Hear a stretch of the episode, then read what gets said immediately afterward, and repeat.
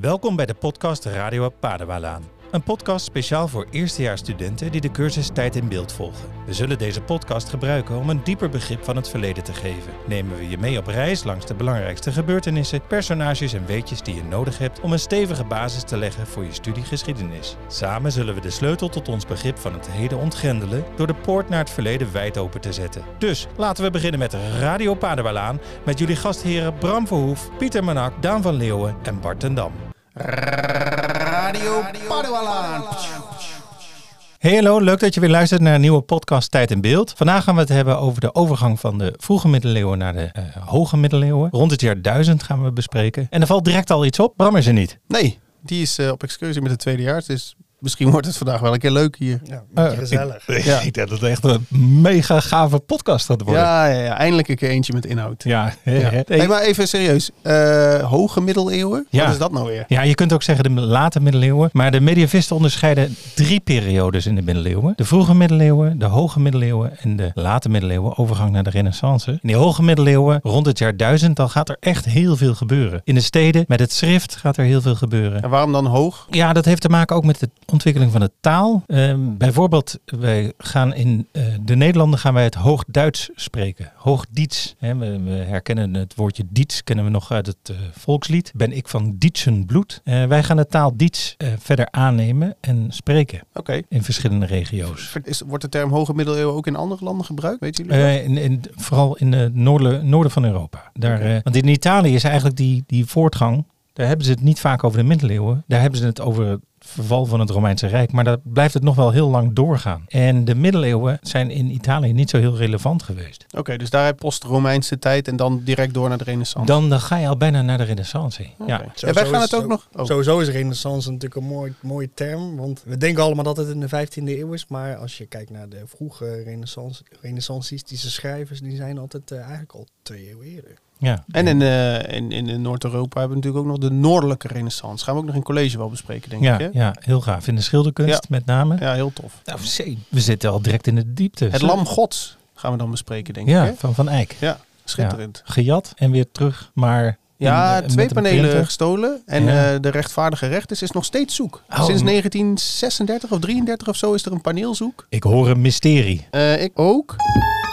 Waar is het? Oh, waar is het? Waar is dat is een leuke nieuwe rubriek. Nice. Hey, ehm, ik heb gehoord dat er een nieuwe game uit is. Ja, Assassin's Creed Mirage. Ja, ik heb hem al gespeeld hoor, gisteren. Nice.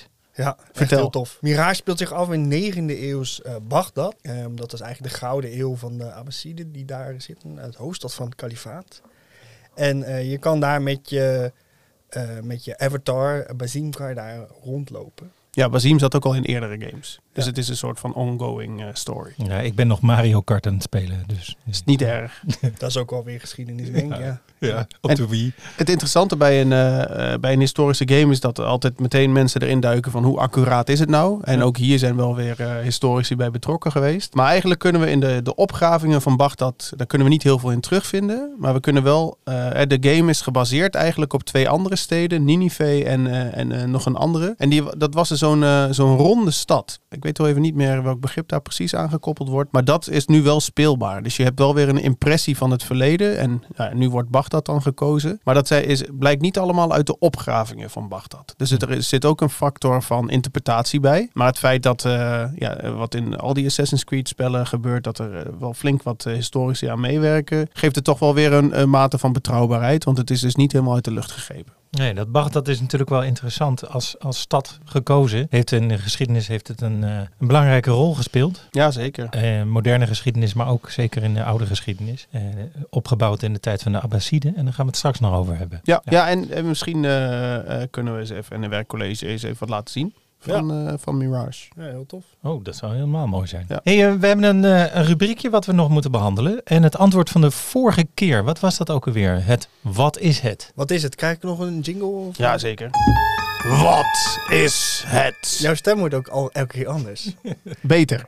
nou ja, vorige keer was, vond ik het wel te zwoelen. Dat vond ik eigenlijk wel beter. Oh, oké. Lag er het weekend ervoor. Oh ja, dat zou kunnen, ja. Had ik een zwoel weekend gehad, nu niet. Nu heb ik een heel ruig weekend Oké, gehad. laten we de details maar even achterwege. Daan, wat was het? Het was een fibula.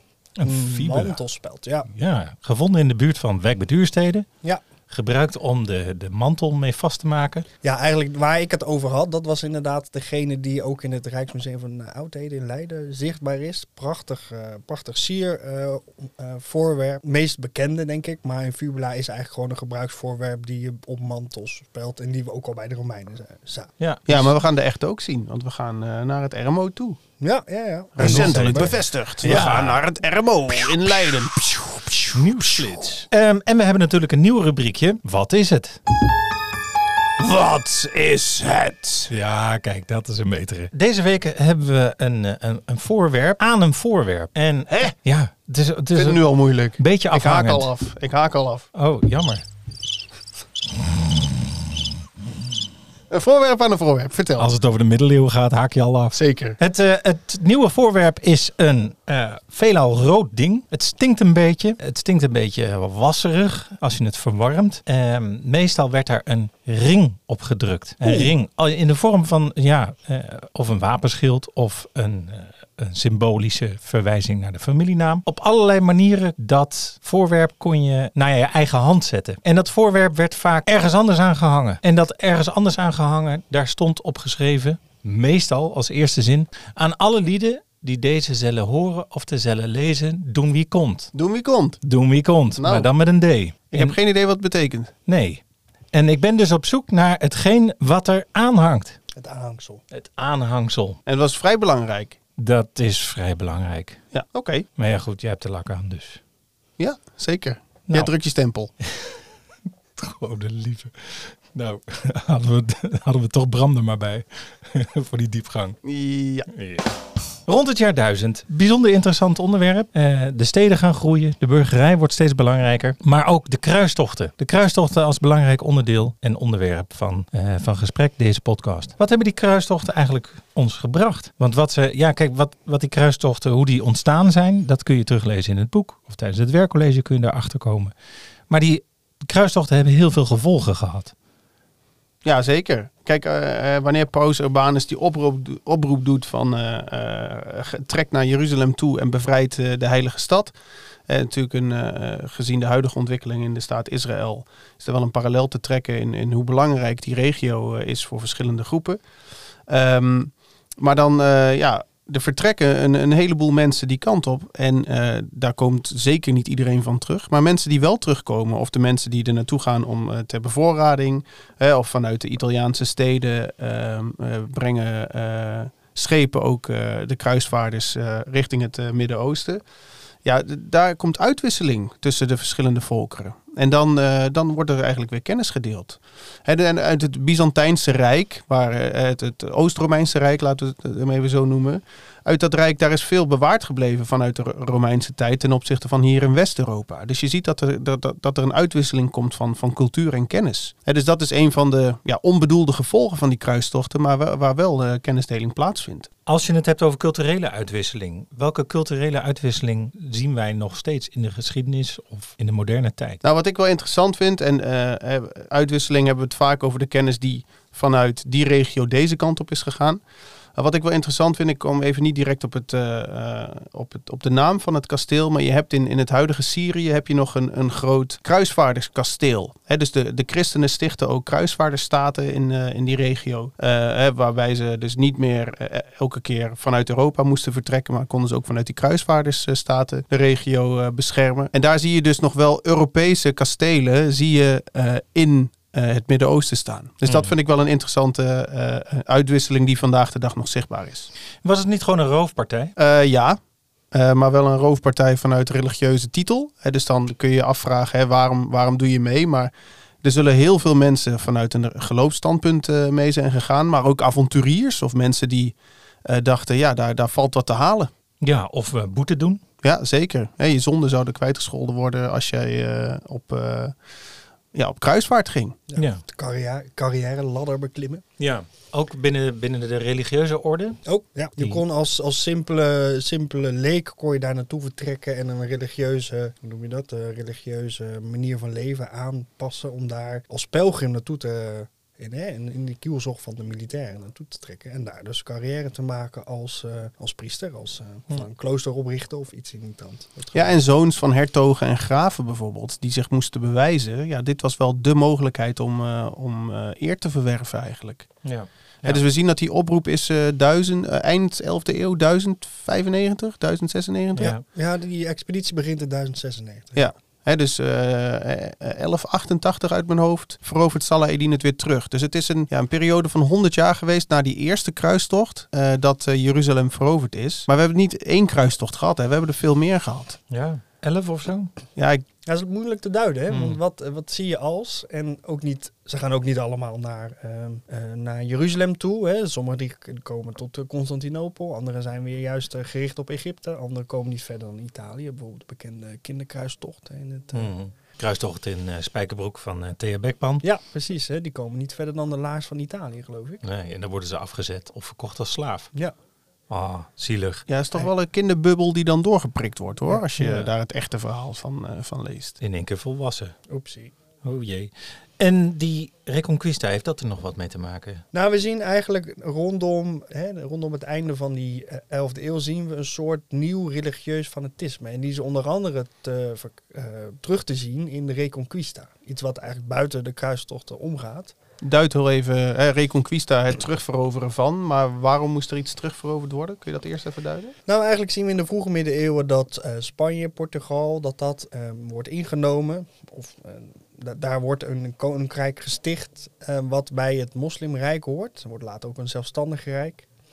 En dat blijft eigenlijk tot, ja, eigenlijk tot aan het einde van de middeleeuwen blijft dat islamitisch. Ja, de val van Granada, hè? 1492. Zeker weten. Dat is, Belangrijk zou dat dan een breuk zijn of zou dat nou ja, een belangrijke, belangrijk jaartal? En we zien eigenlijk dat ehm, rond die 11e eeuw, als dat religieus fanatisme terugkomt, dat zij ook weer stukken gaan terugveroveren, de christenen op die, eh, op die moren. En dat kan dus verklaard worden door, dat, door die opnieuw eh, in het leven blazen van, van die, ja, die zoektocht naar hoe kunnen we ervoor zorgen dat christelijk christelijk blijft. En die christelijke expansie. Maar nog wel interessant, hè? ehm, je hebt een belangrijke slag in de Europese geschiedschrijving, eh, 732, de slag bij Poitiers. Karel Martel zou, eh, de, of Martel, eh, zou de Moren eh, verslagen hebben.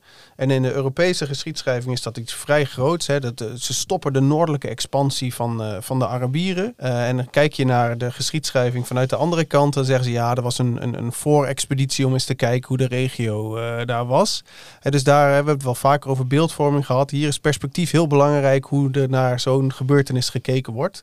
Dus vanuit het eh, Arabische perspectief is het iets kleins en vanuit het Europees perspectief is het iets groots. En Karel Martel, eh, dat was de eh, familie van de latere Karel de Grote Karel de. Grote. Hè, dus dan heb je, weet je enig... Van de Pippenide, geloof ik, de Hofmeijers. ja, zeker. Nou, en die, ehm, die Reconquista kom ik nog op terug in het hoorcollege. En de verspreiding van de islam ook. Ja. Dus daar wordt het nog, nog een keer uitgebreid verteld. En zeker die slag bij Poitiers ga ik ook op in. Leuk. Ja, dat als eikpunt. Maar goed dat je aanbrengt dat die beeldvorming, dat dat een eh, tegengestelde beeldvorming is. Ja. Slag bij. Het stelde niet heel veel voor. Dan de, eh, ja, een, een eethoekje zou ik er wel in terug willen brengen. Maar ik kan eigenlijk niet zo op voedsel komen. Oh. Nee, ja, ik, ik zat te denken aan... eh, Je bedoelt het de gevolgen van de kruistochten. Ja. Ja, wat hebben ze meegenomen? Kijk, wat, wat je vaak ziet rond die, Mediterra eh, rond die midden, ik kom er niet uit, rond die Middellandse Zee, die mediterrane keuken, is altijd wel een vorm van platbrood en iets geroosterd aan een stok. De, de, de Grieken hebben gyros, Shaslik. eh, shaslik, kebab. Eh, de, de, de, ja, de Grieken en de Turken, dat is natuurlijk wel een beetje een gevaarlijk eh, gebied wat ik nu ga bewandelen. Maar de eh dunne kebab en de, eh, de gyros hebben heel veel met elkaar gemeen. Ja, lekker man. ja Ik heb deze, dit weekend nog gyros gegeten. Ja, Dat waar? is echt goed. Ja, bij een eh, Grieks restaurant in Culemborg. Oh, kijk. Ga je een eigen Griekse eetclub oprichten? Eh, nee, ik ga jou niet eh, nadoen. Oh. Maar lekker man. Souvlaki, gyros, sutsuki. Ja, zo'n vleesschuur. Man, Oh, ja, dat is goed. ja. Er moet wel vlees zijn, dus geen moussaka. Oh, ik heb nog geen enkel Grieks restaurant gezien waar je vegetarisch kon eten. Misschien zijn ze er wel. Ik kijk jou even aan, Bart. Maar Nou, kijk, de, ik heb wel eens een keer eh, met de Griekse eetclub ben ik wel eens een keer vegetarisch gaan eten bij een Grieks restaurant. Maar dat, ja, dat was uiteindelijk toch niet vegetarisch. Daar hadden ze wat linzen er doorheen gedonderd.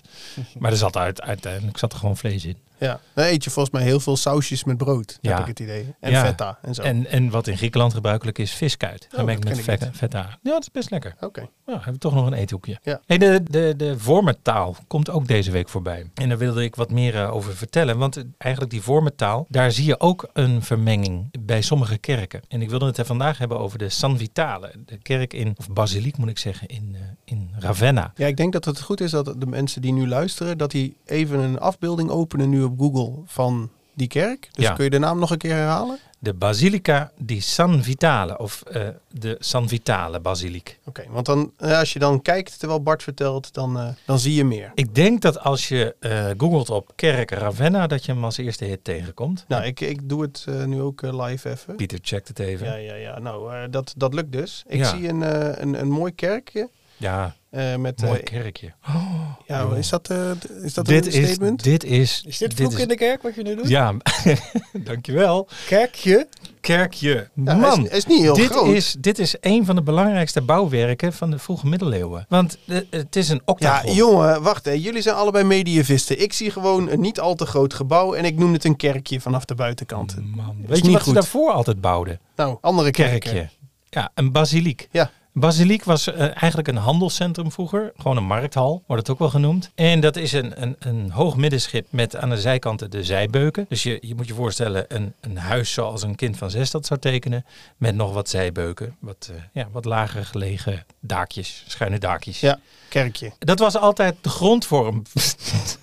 dat was altijd de grondvorm van een kerk, een basiliek. Nu is die San Vitale is op een hele andere manier gebouwd. Het is een octagon. Eh, hey, die octagon, dat heeft ook eh, Karel de Grote. Is er ook een ja, octagon? precies. Dat is een kopie daarvan. Die octagon in Aken, dat centrale grondplan van die achthoek, dat heeft eh Karel de Grote na laten bouwen. En daarom is het zo bijst interessant. Nog iets anders. In die kerk, niet kerkje, zijn ontzettend mooie mozaïeken te zien. Duizenden en duizenden steentjes zijn zo naast elkaar gelegd dat het heel gedetailleerde afbeeldingen geworden zijn. Eh, een van die afbeeldingen is dat je ehm, Christus ziet, dit keer zonder baard en eh, geen eh, witte huidskleur, maar eh, eh, ehm, eh, ja, gewoon Christus zoals hij volgens de Oost-Romeinse bouwers was. Ja. Ja, dat is natuurlijk eh, heel interessant, hè? Dat eh, Jezus vaak wordt afgebeeld als, als blanke man. Terwijl, witte man, Ja, witte man, witte man. Sorry, blank mag niet. ja. Witte, witte man inderdaad.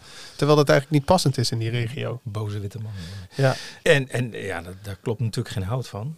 Oké, maar dus kerkje eh, mag niet. Ik zat in, te denken, het is inderdaad in 5, 524 eh, gebouwd. 524 gebouwd bouwd onder de Ostrogoten. En dat is nog bijzonderder. Want waarom zouden die Ostrogoten een kerk gaan bouwen met Romeinse elementen erin? Want die Christus die is met een eh, paarse toga afgebeeld en paarse schoenen. Paarsrode schoenen. En dat was alleen maar voor een keizer weggelegd. Ja, purper is het dan toch? Purper. Ja, purper van de purper. Purper. Purper. Purper. Purper van de purperslak. Een eh, hele bijzondere slak. eh, gekookt, vermalen en daar wordt de kleurstof uitgehaald. En eh, nou, die, die slak die, eh, die vonden ze niet veel. En daarom eh, was het zo bijzonder om die kleur paars af te beelden. En zeker wordt eh, Christus hiervoor eh, afgebeeld als een, als een Romeinse keizer. Daarnaast heb je nog Justini Justinianus. En hij baseerde de wetten van hemzelf op die van de Romeinen. Hij maakte een soort samenvatting. Hij voegde de wetten aan toe en dat is een mijlpaal in de westerse geschiedenis. Omdat het het begin is van onze wetgeving. Nee, is de, de code Napoleon hierop gebaseerd dan? Nou, ja, daar zijn, zitten elementen in ook. Maar de, de, het gewoonterecht van die Romeinen werd voor het eerst vastgelegd op schrift. En daardoor konden ze erop terugvallen op wetten. Van hé hey joh, dat mag niet. Eh, via rechtspraak, als er een nieuwe uitspraak werd gedaan door een advocaat, konden ze die wetten weer aanpassen. Om zo wet, wetgeving verder uit te gaan breiden. Oké, maar eh, begrijp ik je dan goed als je zegt dat de Romeinen hun wetgeving niet op schrift hadden staan? Eh, dat klopt. Ze hadden elementen op schrift staan, maar de meeste wetgeving was gewoon mondeling. Oké, nou, dat wist ik ook niet. En dat ehm, eh, heeft Justinianus heeft dat als eerste aangepast. De Corpus Juris Civilis. Ja, mooi. Ja, nou, Ja, tof toch? ja dat We hebben echt een mooi vak eigenlijk. Ja. Ja. Nee, maar eh, weet je, de, nog even over dat kerkje. Die octagon is inderdaad teruggekomen op de Paltskapel in Aken, eh, onder Karel de Grote. En is het uh, inspiratie van uh, Brunelleschi om zelf weer een nieuwe koepel te gaan bouwen in de renaissance. Want ja, zoals ik al in een andere podcast heb verteld, er is jarenlang is er geen koepel gebouwd. Honderden jaren lang konden ze geen koepel meer bouwen. En Brunelleschi was dus de eerste die die techniek van koepelbouwen weer overnam. Gebaseerd op dat kerkje in San Vita, uh, in Ravenna. Maar dat blijf ik toch wel bijzonder vinden. Hoe kun je nou, hè, dus uh, we hebben het over het uh, in Rome natuurlijk gesproken, die koepel met die oculus erin. Hoe kan dat nou dat duizend jaar lang je dat niet kan bouwen? Doordat... Kun, je, kun je dan niet terugkijken of zo, hoe, hoe zo'n structuur in elkaar zit? Nou, dat heeft Brunelleschi dus geprobeerd. Maar die octagon, eigenlijk is dat ook geen koepel, want het is een achthoek. En die krachten van een koepel douwen op die muren. En die duwen die muren naar buiten. Kijk, het Pantheon had er een grote trap omheen zitten. Om, die, om die ronde muren heen. Zodat die muren bij elkaar gehouden werden. En daar werd een hele lichte koepel met puimsteencement bovenop gezet. Waar die uh, San Vitale in Ravenna is maar is een overspanning eigenlijk gebaseerd op acht muren. En het is eigenlijk geen koepel, maar een dak met acht hoeken. Brunelleschi heeft erover nagedacht om een dubbele helix aan te brengen in die koepel. Ik ga nu wel wat, uh, wat ver in op details. Ja, dit is wel redelijk nerdy. Snap maar, ik wel, ja. uh, En een dubbele helix en daardoor kon hij weer een nieuwe koepel bouwen. En sindsdien zijn er weer heel veel koepels in Europa teruggekomen. Hm. Misschien moeten we ook in de oogschouw nemen dat het ook wel modegevoelig is. Hè?